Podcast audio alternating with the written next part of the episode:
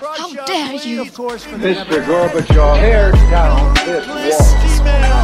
I did not have sexual relations with that woman. Read my lips. Hell yes, we're gonna take your AR-15. Well, it's your waiting I have a dream. Thank you. Vi er nødt til å snakke om uh, politiske systemer. Det er jo en uh, Det hørtes ut som var jo en, eh, en skikkelig clickbait-introduksjon uh, til til podkasten. Det må kanskje hete det òg. Vi må snakke om politiske systemer. Det er jo eh, men, det er, men det er viktig, og vi snakker jo om viktige ting her i, i, i podkasten. et politisk system, eh, betegnelse som egentlig brukes om staten og samhandling mellom staten og, det, og hvordan det øvrige samfunnet er organisert på. Eh, Rent spesifikt så ser man jo på eh, at et eh, politisk system eh, kan karakteriseres ved altså, de statlige institusjonene som det består av. Det, og de samhandlingsformer som, eh, som institusjonene inngår i da, med det øvrige samfunn, og de spilleregler som gjelder for aktiviteten innad i institusjonene, og for samhandlingen me mellom stat og samfunn. Eh, og det mangler ikke på saker som eh, belyser nettopp eh, disse punktene, og som eh, ja, eh, viser eh, hvor vanskelig ting er, og hvor komplekst det er, og hvor dumt det kan bli og på en eller annen måte. Eh, Jeg tenker særlig på disse spillereglene. Det har vi snakka mye om, Harald. Disse spillereglene som gjelder for eh, aktivitet innad i institusjoner. Altså Det kan jo være f.eks.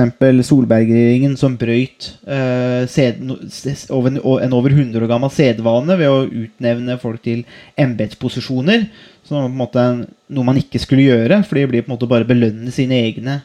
Og ikke et eh, kvalifisert Altså at man blir belønna basert på kvalifikasjoner og åpen søknad. Men også denne samhandlingen mellom stat og samfunn. Og da jeg, jeg så eh, Det har vært en sak nå eh, som har gått sin seiersgang, eh, i hvert fall i sosiale medier. Og det er en, en slags aktivistgruppe, led by donkeys, som eh, har Ja, de gjør for så vidt mye artig, de. Det er bare å følge de på, på Twitter, sånn som jeg gjør. Det er mye interessant der. Men det siste stuntet var at de satte opp en Opprettet et eh, falsk sørkoreansk eh, firma, Hansong Consultancy Group. Eh, og så forsøkte de å nå ut da til britiske parlamentarikere, eller storting, de som er valgt i parlamentet. Og for å se om de var villige til å, mot betaling, da, være med på en, et sånt Et styre, da. Et sånt advisory board for dette selskapet. Og de ønska jo da å ha mer kunnskap om og påvirke bl.a. det som skjer i Storbritannia. Stor, stor, altså britisk politikk, og det å på en måte kunne operere innafor britisk politikk. Og en del av disse um, folkevalgte de sa jo nei, av de som ble spurt. Men så var det noen, da, eh, inkludert eh, Matt Hancock, som eh, var vel i Boris sin eh, regjering hadde ansvar for helse, og, men også Kwasi eh, Kwarteng, eh, the former chancellor, altså ansvar her også for eh, ja, stort ansvar i regjeringa. Han satt jo ikke så lenge. Jeg husker ikke hvor lenge han satt. Jeg, Harald. Det var jo et av de mer kortlivede eh, regjeringsjobbene eh, som han har hatt. Men nå har det jo vært så mye turnover egentlig i britisk politikk at det er litt vanskelig å holde øye eller holde følge med alle endringene. Men han er jo fortsatt en relativt prominent eh, politiker eh, i de konservative. Eller i det konservative partiet. Eh, og han hadde ingen problemer med å ta et møte, og, og tenkte seg at eh, mellom ja, ca. 10 000 pund per møte var grei kompensasjon eh, for dette. Og det, de videoene er litt sånn derre eh, merkelig å se på, fordi du ser jo da ganske mektige politikere i Storbritannia eh, når, de får, når de lukter penger så, så er de som små barn i en godterisjappe. Altså det, det, blir, det blir nesten litt for dumt uh, å se på det. Men det har jo også da reist en del spørsmål i Storbritannia, fordi at en stor del av når man har gjennomført spørreundersøkelser, så ser man at, at uh, uh, folk flest, da, for å bruke det begrepet, synes det er problematisk uh, at, disse, at internasjonale selskaper kan kjøpe seg innflytelse direkte inn i britisk politikk på den måten. eh, at politikerne er så glad, å, glad i å ta penger. Eh, men så er det det at i Storbritannia så har man jo lov til å ha eh, andre og tredje jobber i tillegg til å være folkevalgt. Og det er jo i, i det her at denne gruppa, særlig led by Donkeys, det er jo det de forsøker å problematisere særlig. Det at skal folkevalgte ha to eller tre jobber? Eh, jeg tenker jo umiddelbart, eh, Harald, at eh, når vi ser på dette med det politiske systemet og de spillereglene, så, så fremstår det for meg som litt problematisk. Eh, ja, det kan kanskje være lov å ha å ha andre til de jobber, men, men, men, eh, men eh, måtte oppmuntrer ikke det bare til korrupsjon? Eh, jo, på en måte så gjør det det, og det stiller spørsmål om hvem er det politikerne jobber for, og hvem er det de, um, hvem er det de, uh, de, virkelig hva skal jeg si, tjener? Ønsker de å, å, fremme sine egne interesser, eller ønsker de å fremme velgerne sine uh, interesser? Mm. Uh, så det stiller et, et, spørsmål om hvem det er de egentlig jobber for.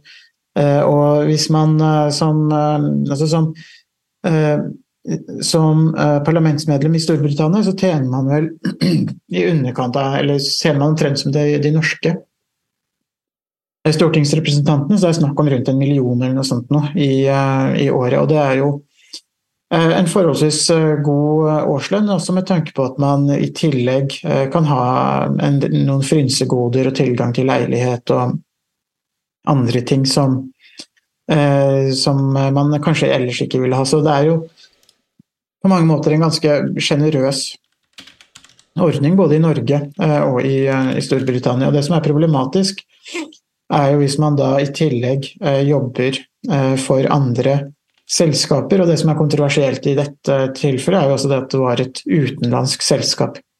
Eller man lot som det var et utenlandsk selskap. Og da er det jo også spørsmål er tjener man Er det Storbritannias interesser man jobber for? Eh, er det sine egne interesser man jobber for, eller er det velgerne sine interesser man jobber for? Eh, hvis man eh, påtar seg et slags betalt verv eller en slags stilling for et utenlandsk selskap, så kan man jo også stille spørsmål om man i det hele tatt jobber for Storbritannias interesser. Så det leder til at man kan stille spørsmålstegn ved tilliten til, eh, til politikerne. Om, det, om, hvem de jobber for, eh, rett og slett. Eh, I tillegg så er det jo det elementet som, som gjelder korrupsjon. Og så lenge det er lovlig, så er det jo en slags lovlig form for korrupsjon også. Hvis man kan kalle det det. Og Eh, bare det at det er lovlig, er jo i og for seg eh, altså På en måte kan man si at da, da er det jo greit, på en måte, fordi det er jo ikke ulovlig. Men det trenger jo ikke, bare fordi at noe er lovlig, trenger, trenger ikke å bety at det er eh, moralsk, eller at det er noe man bør eh, gjøre eller kan gjøre. Eh, så det er jo mange umoralske handlinger som ikke er eh, forbudt. Men det betyr jo ikke at man dermed skal gjøre det. Mm. Eh, og det er jo litt det samme, samme situasjonen for politikerne. Så bare det at eh, det ikke er eksplisitt forbudt å ta den type jobber, betyr ikke nødvendigvis at det er, er riktig, eller at det bare er å kaste seg over det, sånn som noen av uh, de eksemplene du viste til innledningsvis uh, tyder på. Mm. Men det er jo også et, et annet uh, aspekt ved dette, for både Matt Hancock og Kwasi Kwarteng, selv om de har vært prominente og fremtredende politikere i Storbritannia de siste mm, tre-fire årene, så betyr ikke det at de nødvendigvis er kompetente og dyktige politikere. Det er også begge, eh, begge, disse politikerne har jo eh, vært svært kontroversielle, og det er også som Matt Hancock måtte gå av etter en sånn utroskapsskandale eh, kombinert med brudd på smittereglene som gjaldt under pandemien, som han da var ansvarlig for som helseminister. Og Kwasi Kwarteng leverte vel det mest kontroversielle og mest inkompetente statsbudsjettet som Storbritannia har sett. Det er fristende å si noen gang, nesten, men i hvert fall i moderne tid. Eh, så dette er jo to politikere som eh, er eh, svært kontroversielle og omdiskuterte, og som man kan stille spørsmålstegn ved har de egenskapene og ferdighetene eh, som man ønsker at eh, politikerne skal ha.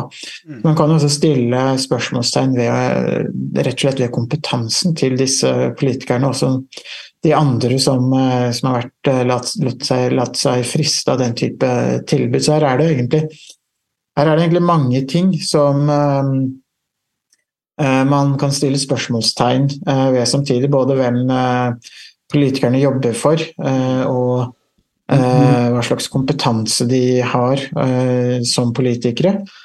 Og i hvilken grad man bør si ja til den type verv og oppdrag, selv om det ikke nødvendigvis er forbudt.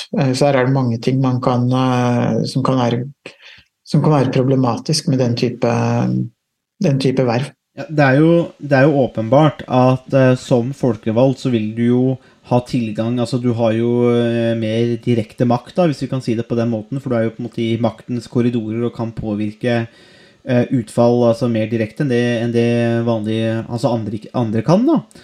Så det sier seg jo sjøl at da innehar man jo en rolle som er av verdi, og som man på en måte kan selge, da. ikke sant? Om det da er for 10 000 pund per møte. Uh, og, og, og, av den grunn også, tenker jeg at det er veldig problematisk at man har muligheten i Storbritannia til å ha flere jobber som folkevalgt. Jeg kan for så vidt skjønne at det, er, at det ga mening for 150 år siden. Uh, og Britene er veldig glad i tradisjon og ikke endre på akkurat disse tingene. Og det ga sikkert mer mening da, da det var også ikke et fullverdig demokrati. Men det som, eh, det som jeg da tenker er sånn problematisk, er jo det og det er kanskje den For når, du nevner den manglende kompetansen eh, Eller som er, var det Erik Soler sa en gang på en uh, Viaplay-sending på fotball, at det var total mangel på inkompetanse. Jeg tror han mente at det var total mangel på kompetanse, men eh, eh, det jeg tenker der, når, når, du nevner det, at de er også inkompetente Hvis du setter det i sammenheng med med, med, dette at uh, man kan ha alle disse jobbene, så, så lurer jeg da uh, det, som, det, det, spørsmålet som reiser seg hos meg, da, det er jo da i hva er motivasjonen til disse politikerne ved å bli folkevalgt? Uh, for det kan se ut som at motivasjonen er å få en fremtredende rolle som politiker som du seinere kan bruke til å tjene penger på. Eller ikke bare seinere heller, men underveis.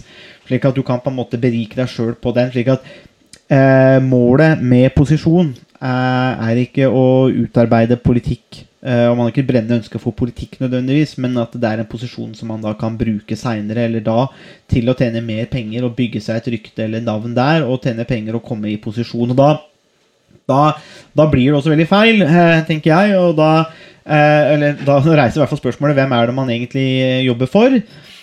og så tenker jeg at det har noen konsekvenser for nettopp desse, det, dette med spillereglene. fordi at da blir det helt andre spilleregler. For da er det litt sånn at eh, ok, men hvis du er folkevalgt i Storbritannia, da kan du eh, Da kan du ha begge Da kan du ha føttene i begge leire, eller flere leire, og hendene nå. Du kan på en måte bare ha ei hånd i statskassa, og du kan ha ei hånd i det private, og berike deg sjøl. Eh, og da gjelder du helt andre spilleregler enn for andre. Eh, når man på en måte kan ha makt og eventuelt misbruke den eller bruke den til egen vinning på den måten. Og det, det tror jeg kan bidra til å, å bygge ned tilliten da, mellom folk og, og det politiske. Eh, og, og, også politikerne eh, og styresettet. Og, og, det tenker jeg er kanskje noe som også plager Storbritannia i dag. Altså det at man har hatt disse elendige politikerne nå på rad og rekke. Og så får man se at det de er opptatt av i arbeidstida, er ofte da å ta andre jobber hvor de blir godt betalt. Og så er liksom spørsmålet ok, har vi ikke store nok problemer fra før av enn at du på en måte skal være opptatt av å tjene mest mulig på andre typer jobber. Så dette med de, eh, denne samhandlingen mellom institusjoner og samfunnet og spillereglene tror jeg kan oppfattes som et stort problem som underbygger tillit. da. Et annet aspekt, tillit, da. Ja, altså et annet aspekt er også det at mange av de politikerne vi um, har sett i fremtredende posisjoner i Storbritannia, men også i Norge, og det gjelder både forrige regjering og dagens eh, regjering, eh, de har rett og slett ikke den eh, kompetansen og det politiske håndverket som man kan forvente av toppolitikere. Det som ser ut til å være en, en trend i både Norge og mange andre vestlige land, er at politikerne man får, er De er i beste fall eh, de, er i tredje, beste fall i tredjedivisjon. Mm -hmm. Det er politikere som har mindre politisk talent, eh, mindre dårligere politiske håndverk enn det man kan og bør forvente av toppolitikere. Eh, og Så kan man stille spørsmålet om hvorfor det er sånn, og en, et spørsmål er jo Eller et, eh, et, svar på det er jo at for mange av de som er hva skal jeg si, talentfulle og ambisiøse, så er det ikke så attraktivt å bli politiker i dag. Eh, mange av de som er talentfulle, de vil kanskje ende opp i næringslivet eller i Eh, sivilsamfunnet eller i andre ledelsesroller, lederroller i, i, andre eh, deler av samfunnet, rett og slett fordi at det å være politiker, det er ikke verken Så det er, det er ikke noe som eh, som de ønsker eh, å gjøre. Og noe av grunnen til det er jo også kanskje eh, jo også kanskje noe, har jo kanskje også noe med at eh, det, det politikerrollen har blitt ekstremt eh, personifisert og medialisert. Eh, og eh, det krever en helt annen type kanskje mennesker eller personligheter enn det man, man har sett tidligere. Så det gjør at man kanskje tiltrekker seg andre typer personer. Man kan jo si politikere som Boris Johnson, Matt Hancock i Storbritannia er jo mer mediepersonligheter eh, og eh, minner mer om reality-deltakere eh, enn noe annet. Jeg tror, Hvis jeg ikke husker feil, så mener jeg kanskje Matt Hancock også har vært med i en reality-serie. For ikke så lenge siden. Ja, det var da regjeringen til Liz Truss. Ja. Så det, er, det du understreker litt, at her er det en, en gjeng som, som egentlig ikke er seriøse politikere. Og i, i, Storbritannia eller engelsk sammenheng så kan man jo gå tilbake til Margaret Thatcher sin regjering, som hadde mange kontroversielle politikere og en svært kontroversiell politikk som er omdiskutert fortsatt i dag, selv 40 år senere. Men det som man, man kunne sagt om, eller det man kan si om Eh, om Thatcher sin regjering, eh, er i hvert fall at den ble iverksatt av kompetente og dyktige politikere som kunne det politiske håndverket. Eh, og det er en viktig forskjell mellom dagens politikere og politikerne man så for en generasjon siden. Og noe av det samme har vi jo vært inne på når vi har diskutert norsk politikk. at mm. det, norsk, det politiske håndverket til norske politikere er ser ut til å bli svakere og, og svakere. Mm. Og det er jo ikke lenge siden vi i Norge også hadde en stor diskusjon rundt pendlerboliger og frynsegoder til politikere, hvor det var flere ledende politikere, både i KrF og Arbeiderpartiet, som, som måtte trekke seg fra de posisjonene som, som de hadde. Mm. så man ser det i i flere land. Eh, og eh, det man ser i Storbritannia er jo til en viss grad latterlig.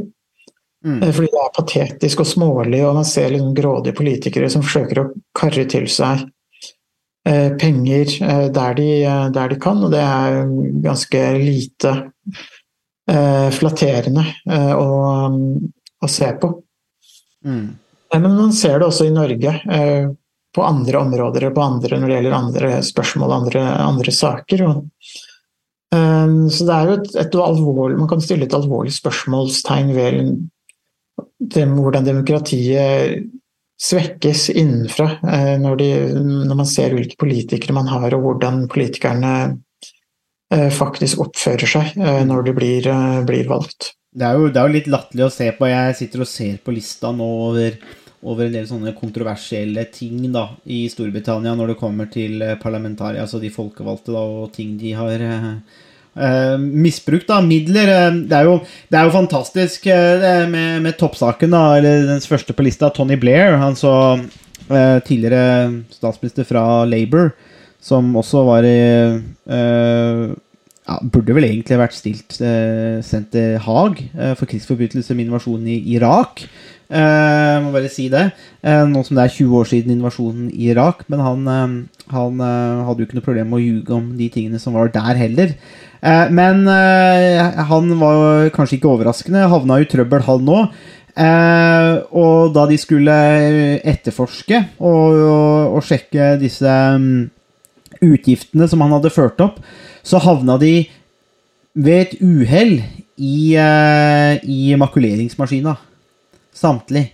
Eh, og det, det lukter jo dårlig. Men så er det jo veldig mye i Storbritannia med det samme som vi har sett i Norge, disse pendlerboligene. Men de har også sånn second homes som de har hatt veldig nært der de har bodd. eh, eh, og de, de, de, de ser ut til å ikke ha helt skjønt dette pendling, pendleropplegget i Storbritannia heller. Det har vært veldig attraktivt da, å, å, å pusse opp andre, eller second homes, eller disse leilighetene med på skattebetalernes regninger. Det er også en, eh, en Tory, Derek Conway, han brukte også midler til å betale sønnen sin eh, for arbeid, uten at det var åpenbart hva han egentlig hadde gjort. Eh, men han sto nå på, på, på lista der. Og så var det det som var det kanskje et av de store problemene i Storbritannia, var at man hadde denne no receipt rule. Altså under 250 pund så kunne du på en måte kjøpe masse rart da, uten å ha uten å ha kvitteringer, så det var jo veldig mange som misbrukte det og kjøpte opp til 249 for eksempel, da og trengte ikke da å, å ha noen kvitteringer. Eller at de eh, hadde eh, Altså eh, Man kunne bruke opptil 400 pund i måneden på mat uten kvitteringer. Men det kunne man jo da bare kreve uten å kjøpe mat.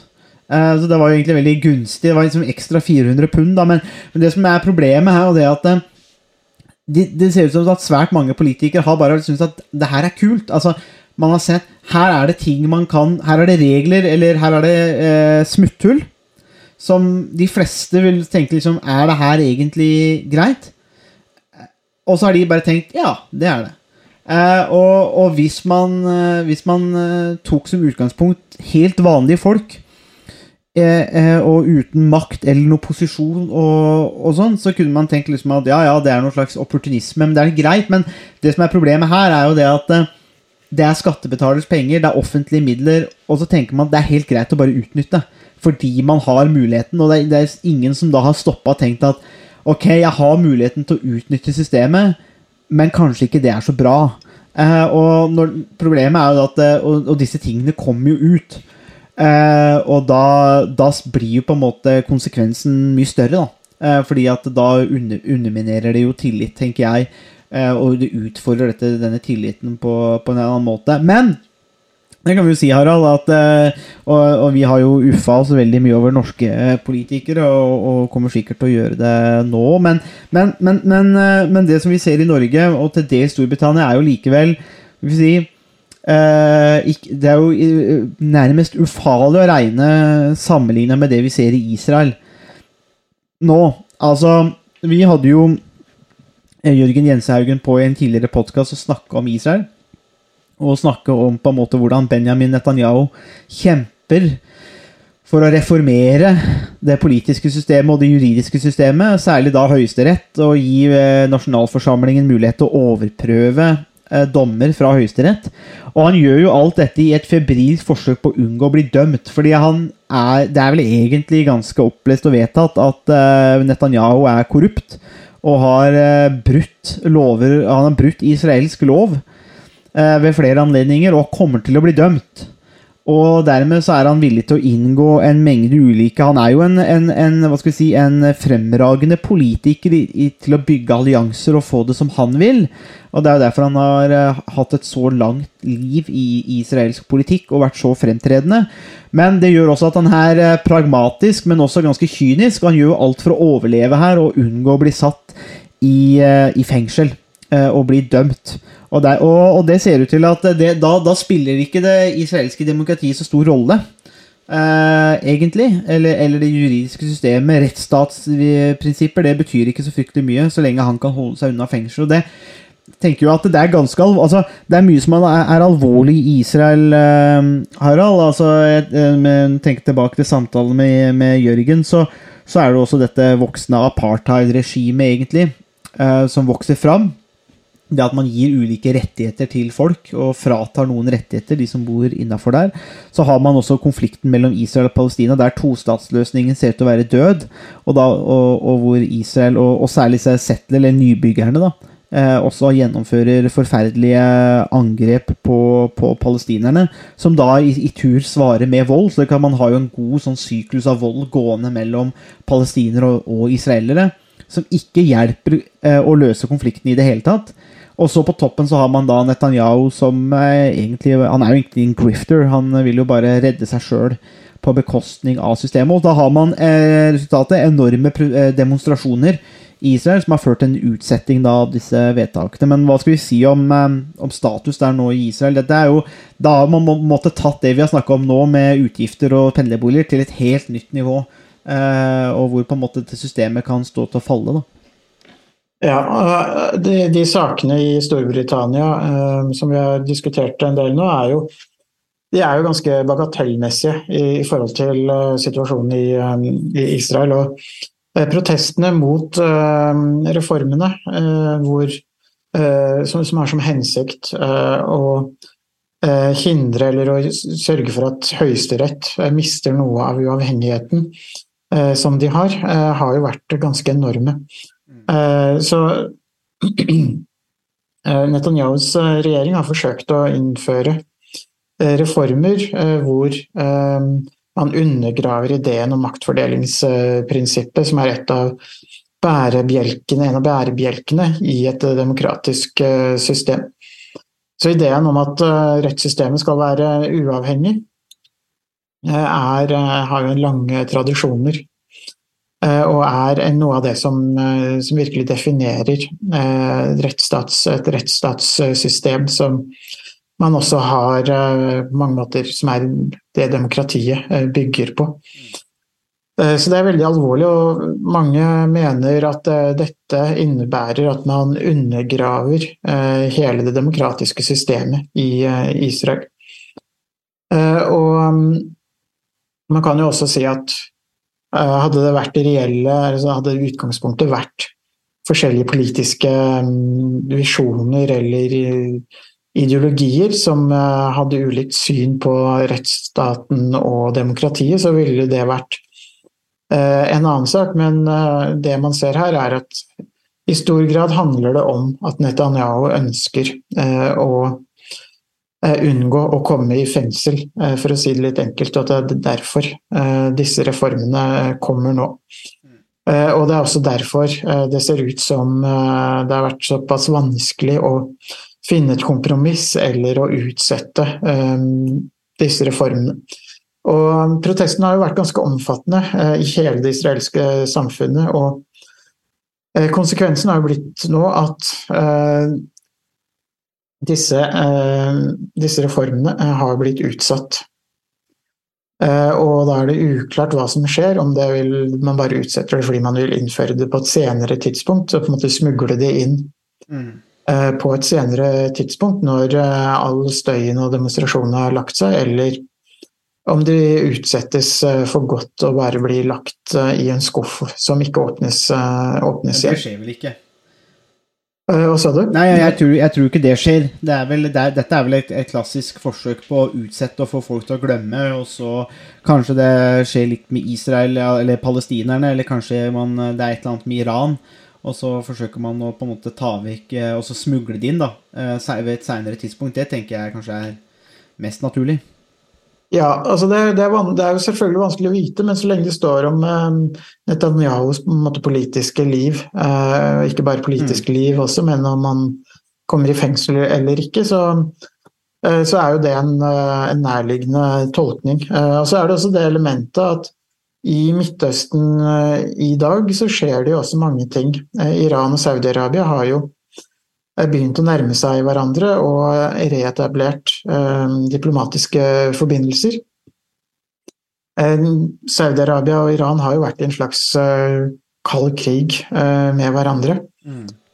Eh, som har utspilt seg i Jemen. Eh, så Israel krangler internt i en periode, i en situasjon hvor det skjer mye i nærområdet eh, til, eh, til Israel. Eh, Så fra Israels perspektiv så er det vanskelig å se at man har råd til å kaste bort politisk energi Mm. eh, på intern eh, krangling eh, når det er så mange spørsmål og så mange saker som er viktige i, i nærområdet. Altså både Syria, Libanon og mange andre, altså Irak og mange andre land i nærområdet er en, en krevende, er krevende naboer for Israel, eh, hvor det er vanskelige situasjoner å håndtere. Eh, Og I tillegg så er jo situasjonen med palestinerne eh, på Gaza og Vestbredden fortsatt vanskelig å, å håndtere. Mm. Så det er på en måte et ganske stort antall saker eh, som eh, burde bekymre Israel mye mer enn uavhengigheten til, til Høyesterett. Mm. Og det å oppheve uavhengigheten til Høyesterett er alvorlig i seg selv, men spesielt i den situasjonen og konteksten eh, som Israel står ovenfor i, eh, i dag, så er det mm, skremmende og skuffende å se at eh, man kaster bort eh, tiden på å krangle om eh, uavhengigheten til Høyesterett. Det er på en måte et spørsmål som, som man er ferdig med, altså hvor man har etablert at rettssystemet skal være uavhengig av det politiske systemet, og at det er det er på en måte ikke noe man diskuterer i et demokrati lenger. Men, men det er man- tydeligvis det. Eh, Og, og, det, da, da er jo poenget at, eh, at det vi ser nå, er jo et solid angrep på det israelske demokratiet. Og jeg tenker jo at, eh, at eh, lykkes det, så er, kan, kan vi jo ikke lenger snakke om Israel som et demokrati.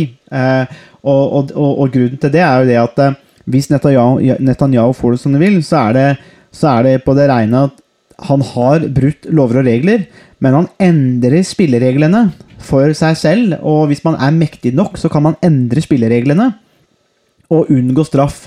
Eh, og, og litt av poenget i et demokrati er jo at vi kan stille politikere til ansvar. altså Det vil si at de kan miste den folkelige støtta, eh, og dermed så de ikke, kan de ikke bli valgt. Men det har også noe med dette, dette samspillet med det rettsstatlige. det at Bryter man regler på den måten, så må man kunne kontrollere de med makt. Og det Netanyahu gjør, er jo å heve seg over det og si at nei, du kan ikke kontrollere alle med makt. Og jeg vil jo da ha så mye makt at du ikke kan kontrollere meg. Ehm, og dermed så, så kan vi jo ikke lenger snakke om um, hvis, det, hvis det her går igjennom, og det, han, han lykkes med dette, så, jo, så er jo egentlig Israel over til et slags autoritært regime, egentlig.